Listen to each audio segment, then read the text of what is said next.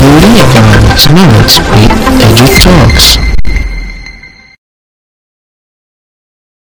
Halo Sobat Kema FEB, kembali lagi bersama saya Wisnu dari Departemen Pendidikan dan Keilmuan BEM FEB UPN Fiji yang akan menemani kalian nih dalam mengulik hal-hal yang menarik mengenai perekonomian yang terdapat di Indonesia saat ini maupun membicarakan prestasi-prestasi yang sudah dialami oleh Kema FEB sendiri. Nah, pada episode kali ini saya akan membawakan topik mengenai apa? intensif pajak terhadap peningkatan dalam perkembangan perekonomian daerah nih.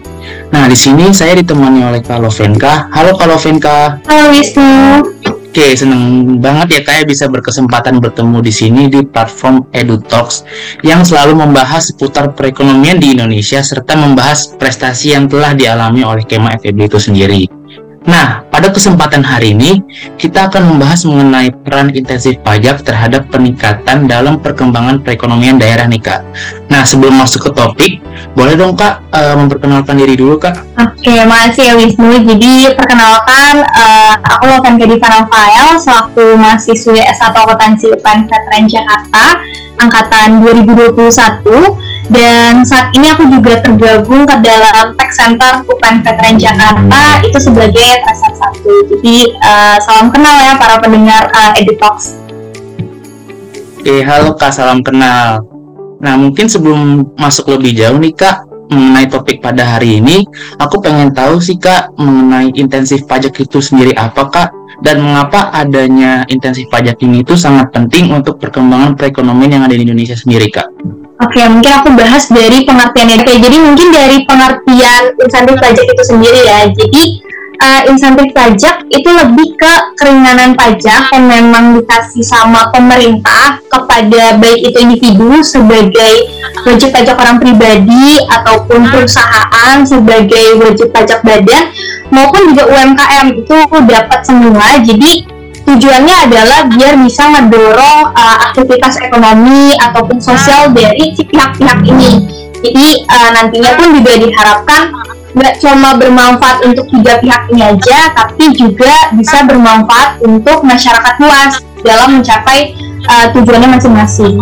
Terus kalau tadi ngomongin uh, kenapa ya insentif pajak ini sih penting banget untuk perekonomian yang ada di Indonesia itu sendiri.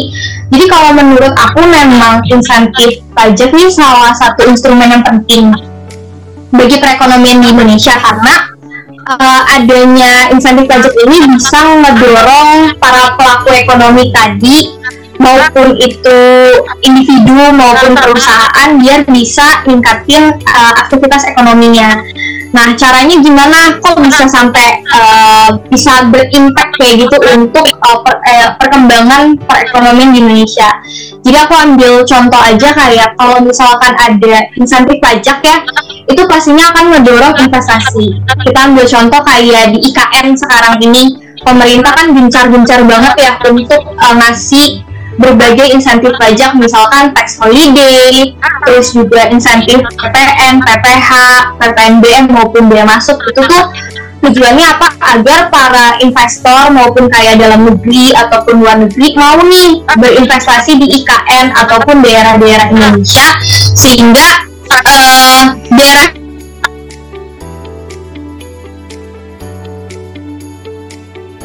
tinggi atau juga produktivitas ekonominya juga lebih baik gitu secara keseluruhan. Dan adanya insentif pajak ini kan juga berdampak kepada penciptaan lapangan kerja. Kayak misalnya kalau perusahaannya dapat investasi banyak pastinya kan nanti bisa aja buka unit bisnis baru ataupun juga bisa aja perusahaan-perusahaan baru muncul yang mana ya lapangan pekerjaannya akan lebih banyak untuk masyarakat dan mengurangi nih tingkat pengangguran di Indonesia maupun bisa tingkatin kesejahteraan ekonomi uh, masyarakat Indonesia. Dan bahkan hmm, adanya insentif pajak ini kayak misalkan uh, contohnya lah kayak tarif kita ngomongin tarif yang biasanya tuh PPH badan kan ada tarifnya tersendiri ya. Terus kan kalau ada insentif pajak biasanya itu dikasih pengurang kayak insentif 50% nah berarti kan perusahaan secara nggak uh, sadar itu tuh ngehemat 50% nya kan? Nah, dia gunakan misalkan untuk memperluas volume produksinya atau bahkan juga bisa jadi uh, R&D bagi R&D bagi dia jadi biar uh, inovasi produknya juga lebih dapat dari dia dan kalau adanya uh, pengalihan yang biasanya buat bayar pajak malah jadi buat operasionalnya pastinya akan mendukung uh, perekonomian di negara Indonesia itu sendiri sih menurut aku. Oke, nah ternyata intensif pajak ini sangat membantu aja kayak bagi uh, UKM-UKM yang mungkin menurut kita tuh masih kecil nah, yang di daerah yang di mana itu uh, di daerah tersebut uh, belum tersentuh adanya uh, investasi yang lebih besar lagi uh, seperti di daerah-daerah yang yang lebih maju kak contohnya seperti di Bali ataupun di Jogja yang di mana perekonomian di daerahnya itu lebih maju dibanding negara-negara uh, dibanding daerah-daerahnya sendiri. Nah kak lalu apakah perkembangan perekonomian daerah yang mungkin dibilang masih terbelakang itu sangat penting kak bagi Indonesia kak dan mungkin apabila suatu daerah tersebut dibantu nih kak melalui tadi intensif pajak nah apakah uh, cukup untuk membangun perekonomian yang lebih modern dan apakah pemerintah tidak rugi kak karena kan pengusaha-pengusaha kecil di daerah ini contohnya kak dia tuh minim akannya perputaran duit kak yang di mana tuh uh, UKM tersebut akan rentan terjadinya kerugian dan berdampak pada penutupan usahanya itu sendiri kak menurut kakak gimana kak? Oke, okay, keren banget. Uh, jadi emang kalau misalkan ditanya penting gak sih perekonomian negara uh, daerah ya tadi maaf buat Indonesia kalau menurut aku sih penting banget. Karena kan secara kalau misalkan perekonomian daerahnya bagus dia pasti juga akan ngasih peran yang signifikan dalam uh, ngedukung pertumbuhan ekonomi secara nasional. Jadi kalau misalkan uh, pertumbuhan ekonominya baik ya pasti uh, PDB nasionalnya itu akan baik juga. Makanya waktu itu aku juga pernah baca di salah satu channel kayak UMKM tuh ternyata uh, penyumbang PDB terbesar loh. Jadi kayak sebesar 60% itu dapatnya dari si UMKM jadi kan kalau misalkan UMKM di daerah-daerah ini bisa berkembang lah kayak itu ya pastinya uh, di daerah-daerah uh, lapangan kerjanya juga jauh lebih banyak terus tadi ya investasinya juga lebih bagus kayak gitu. Dan kalau perekonomian jalan investasi bagus kan nantinya juga kan berdampak ke hal-hal lain misalnya kayak infrastruktur kayak gitu. Pastinya kan uh, nanti uh, infrastruktur daerahnya bagus terus juga jadinya distribusi ekonominya juga lebih baik dan uh, di daerahnya pun juga nggak akan ketergantungan terhadap salah satu sektor doang. Misalnya kayak daerah pantai yang biasanya mungkin dia cuma bergantungnya pada uh, sektor kelautan dia bisa melipir nih ke sektor pariwisata ataupun sektor ekonomi kayak gitu. Dan ya penting banget menurut aku biar uh, perekonomian daerah ini bisa terwujud lebih baik kayak gitu. Dan tadi kan ada juga pertanyaan kayak kalau misalnya perekonomian daerah dikasih insentif pajak lah mungkin biar bisa uh, lebih modern ya kayak gitu ya. Tapi kan di satu sisi benar kata Wisnu kayak uh, UMKM ini kan rentan banget ya untuk mungkin uh, kita nggak bisa selalu mengatakan kalau kita kasih insentif pajak akan jauh lebih baik kan? Maksudnya kayak uh, manfaat yang kita pengen tuju akan tercapai. Itu benar banget. Nah makanya menurut aku penting banget untuk kayak pemerintah ini uh, ngasih insentif itu juga dengan hati-hati gitu uh, dia bisa mengevaluasi insentif ini kayak misalkan risikonya, pertimbangannya, terus juga sasarannya mau ke siapa sih sebenarnya, apakah sesuai atau enggak. Jadi biar uh, UMKM UMKM ini walaupun uh, ditargetkan untuk insentif pajak, tapi tetap bisa ngasih impact yang baik kepada negara kayak gitu.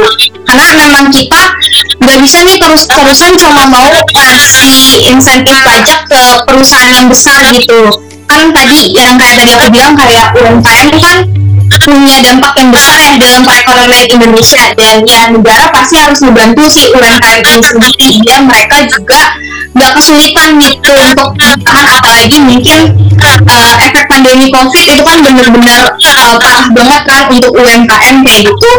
Dan adanya pengawasan sama evaluasi ini ya kita harapin biar uh, manfaat yang diharapkan ini nyampe dan akhirnya nggak memberi dampak negatif buat, buat pemerintah. Jadi misalkan malah rugi kayak gitu. Karena memang kalau dikatakan rugi pasti rugi di awal karena kasih insentif kan pasti uh, pemerintah penghasilan pajaknya akan berkurang kan. Tapi kan yang harus kita lihat nanti uh, dampak ke depan-depannya. Kayak gitu kalau misalkan si UMKM ini ataupun perusahaan-perusahaan itu dikasih insentif dan bisa berkembang ya pada akhirnya perekonomian negara jauh lebih bagus ya pajaknya juga akan meningkat nanti setiap tahunnya. Makanya selain ngasih insentif pajak menurut aku juga kayak UMKM itu perlu dikasih pelatihan jadi biar uh, walaupun mereka udah dapat insentif pajak mereka bisa manfaati dengan sebaik-baiknya. Kayak misalkan dikasih pelatihan tentang uh, mungkin kalau sekarang lebih ke teknologi ya kayak mungkin sekarang UMKM tuh nggak selalu jualannya secara offline bisa manfaatin marketing secara online kayak lewat sosmed kayak gitu. Itu kan bener-bener membantu daya saing mereka ya sehingga mungkin mereka bisa bertahan juga kayak gitu di, di uh, tengah perekonomian kita yang mana ya mereka nggak jadi hancur gitu. Walaupun insentif pajak ataupun ada dia mengalami tantangan-tantangan berikutnya. Terus juga tadi ngomongin tentang apa aja tadi yang terakhir Wisnu uh, ini sih. Uh, ini sih kak. Uh, kan tadi juga udah dibahas juga uh, mengenai pengusaha kecil yang rentan terjadinya rugi hingga berdampak penutupan gitu kak terhadap usahanya. Oh iya berarti itu benar sih. Jadi yang tadi aku bilang jadi walaupun rentan ya menurut aku tetap harus insentif pajak ini buat mereka gitu karena mereka ya tonggak uh, perekonomian di Indonesia menurut aku sih. Oh, Oke, okay. berarti uh, untuk program intensif pajak ini tidak selalu merta-merta langsung diberikan kepada UMKM, tapi dari pemerintah sendiri punya indikator-indikator khusus yang di mana itu apabila UMKM yang sudah memenuhi indikator tersebut, maka terjadi uh, saringan-saringan berarti uh, usaha tersebut sudah lolos dan sudah terverifikasi. Nah, habis itu setelah indikator tersebut sudah di uh, sudah dikasih, habis itu sudah lolos dari UMKM-nya itu lebih ke pemerintah memberikan sebuah edukasi yang berupa perkembangan UMKM dan perkembangan teknologi ya kayak seperti itu ya kayak benar. Ya benar banget tadi kalau yang indikator karena memang kalau mau ngasih insentif ada biasanya lebih ke labanya sih ya jadi kalau labanya berapa si UMKM ini bisa pakai insentif ini jadi kalau misalkan lebih dari berapa M itu udah nggak bisa lagi jadi memang pemerintah udah apa nerapin indikator-indikator itu sih Oke, sangat menarik sekali ya Sobat Kema FEB. Nah, mungkin selanjutnya nih Kak, eh, apakah dengan adanya program intensif pajak ini sangat membantu bagi pengusaha daerah Kak, yang khususnya ini bagi yang daerah-daerah terpencil nih Kak, untuk memajukan potensi yang mereka miliki Kak? Kalau menurut aku sih ngebantu banget ya kalau aku lihat karena kan uh, sebenarnya insentif itu kan banyak ya. Hmm. Kayak misalkan uh, contohnya kayak kayak pajak tadi aku bilang mungkin kayak yang harusnya mereka bayar sekian jadi cuma sekian. Itu kan benar-benar membantu banget mereka untuk ngalihin si biaya pajaknya ini untuk hal-hal lain misalkan untuk kegiatan operasional mereka atau dia juga bisa aja kayak memperluas bisnis mereka. Dan kayak contohnya juga kayak tax amnesty itu mungkin yang sering didengar ya kayak uh, mungkin kan di daerah-daerah juga nggak selalu menurut aku uh, aware gitu sama bayar pajak. Nah diharapin dengan insentif pajak ini mereka bisa lebih aware lagi bayar pajak, tapi tetap nggak ngeganggu mereka. Jadi misalkan dari dikenakan sanksi lah, jadi ya perekonomian daerah mereka nggak terganggu dan akhirnya juga bisa berdampak baik buat masyarakat di daerah tersebut. Oh, sangat menarik sekali ya Sobat Kema FEB ini lalu saya masih penasaran nih kak, menurut kakak nih apakah semua di daerah di Indonesia ini yang belum tereksplor nih khususnya kak? Atau yang bisa dibilang masih uh, di daerah terpencil? Nah, apakah mereka tuh memiliki potensi yang sama nih kak dengan daerah-daerah yang menurut kita sudah maju kak seperti di daerah Bali, Jogja dan lain sebagainya nih kak? Oke, okay. jadi uh, kalau menurut aku sih kalau potensinya sama enggak ya karena tadi balik lagi kan semua daerah punya potensi atau kelebihannya masing-masing ya. Ada yang mungkin uh, unggulnya di SDA-nya atau mungkin unggulnya di uh, misalkan di infrastrukturnya atau mungkin dia unggulnya di sektor pariwisata atau sektor mana. Jadi kan memang ada sisi positifnya masing-masing dari daerah.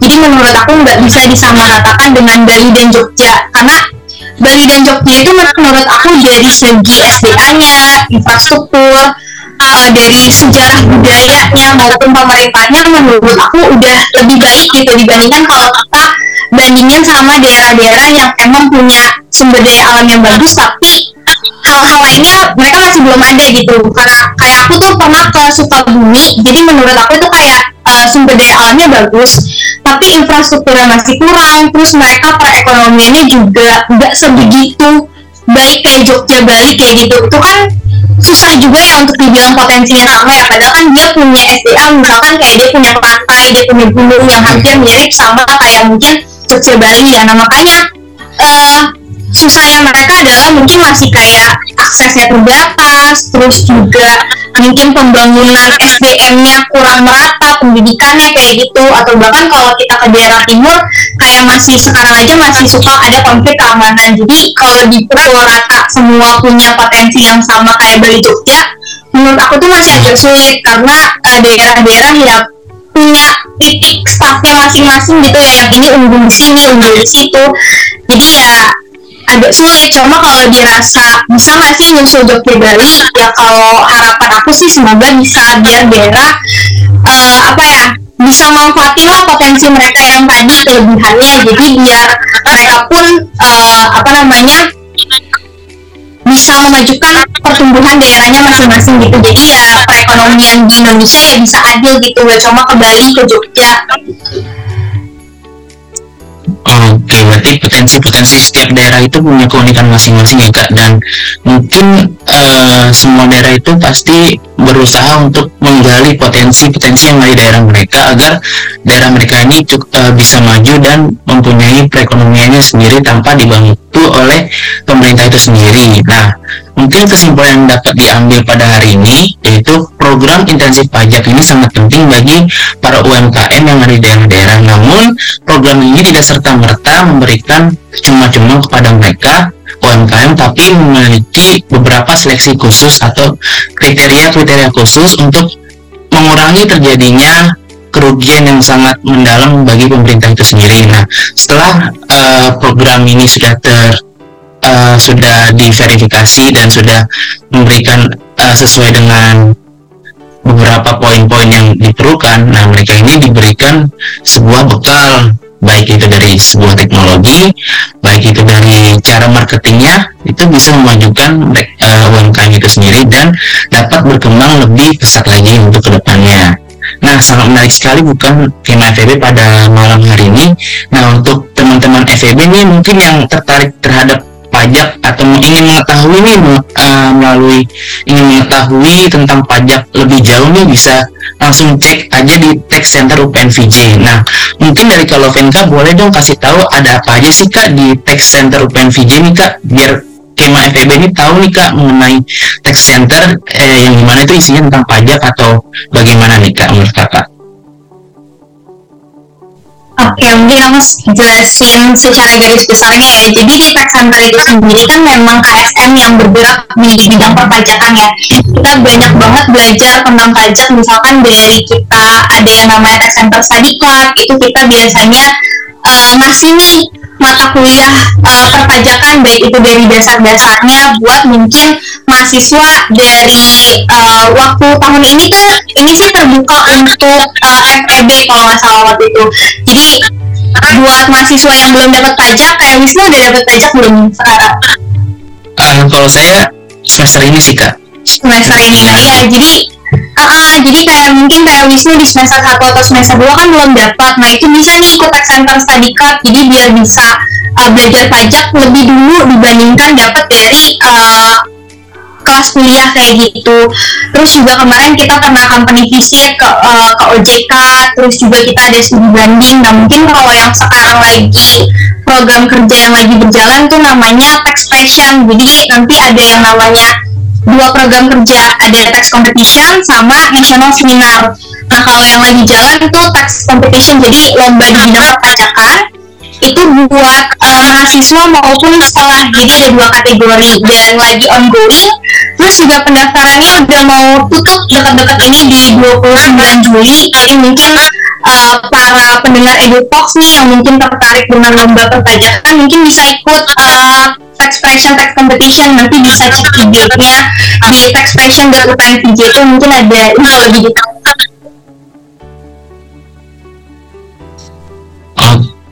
sangat menarik sekali ya Sobat KMFB. Nah, kalau misalnya ingin tahu nih tadi sudah dijelaskan juga, ingin tahu mengenai sebuah pajakan yang ada di Indonesia, baik program tadi intensif pajak maupun ingin mempelajari lebih jauh tentang pajak di bagian studinya, bisa langsung cek di IG taxpression.upnvj. Nah, mungkin tadi menjadi penutup nih Kak, menjadi eh, pada episode kali ini Kak. Nah, terima kasih Kak Lovren dan terima kasih KMFB yang telah mendengar podcast pada episode kali ini. Tunggu saya di episode selanjutnya yang pasti tidak kalah menarik dengan episode kali ini. Kami pamit undur diri. Selamat malam dan see you.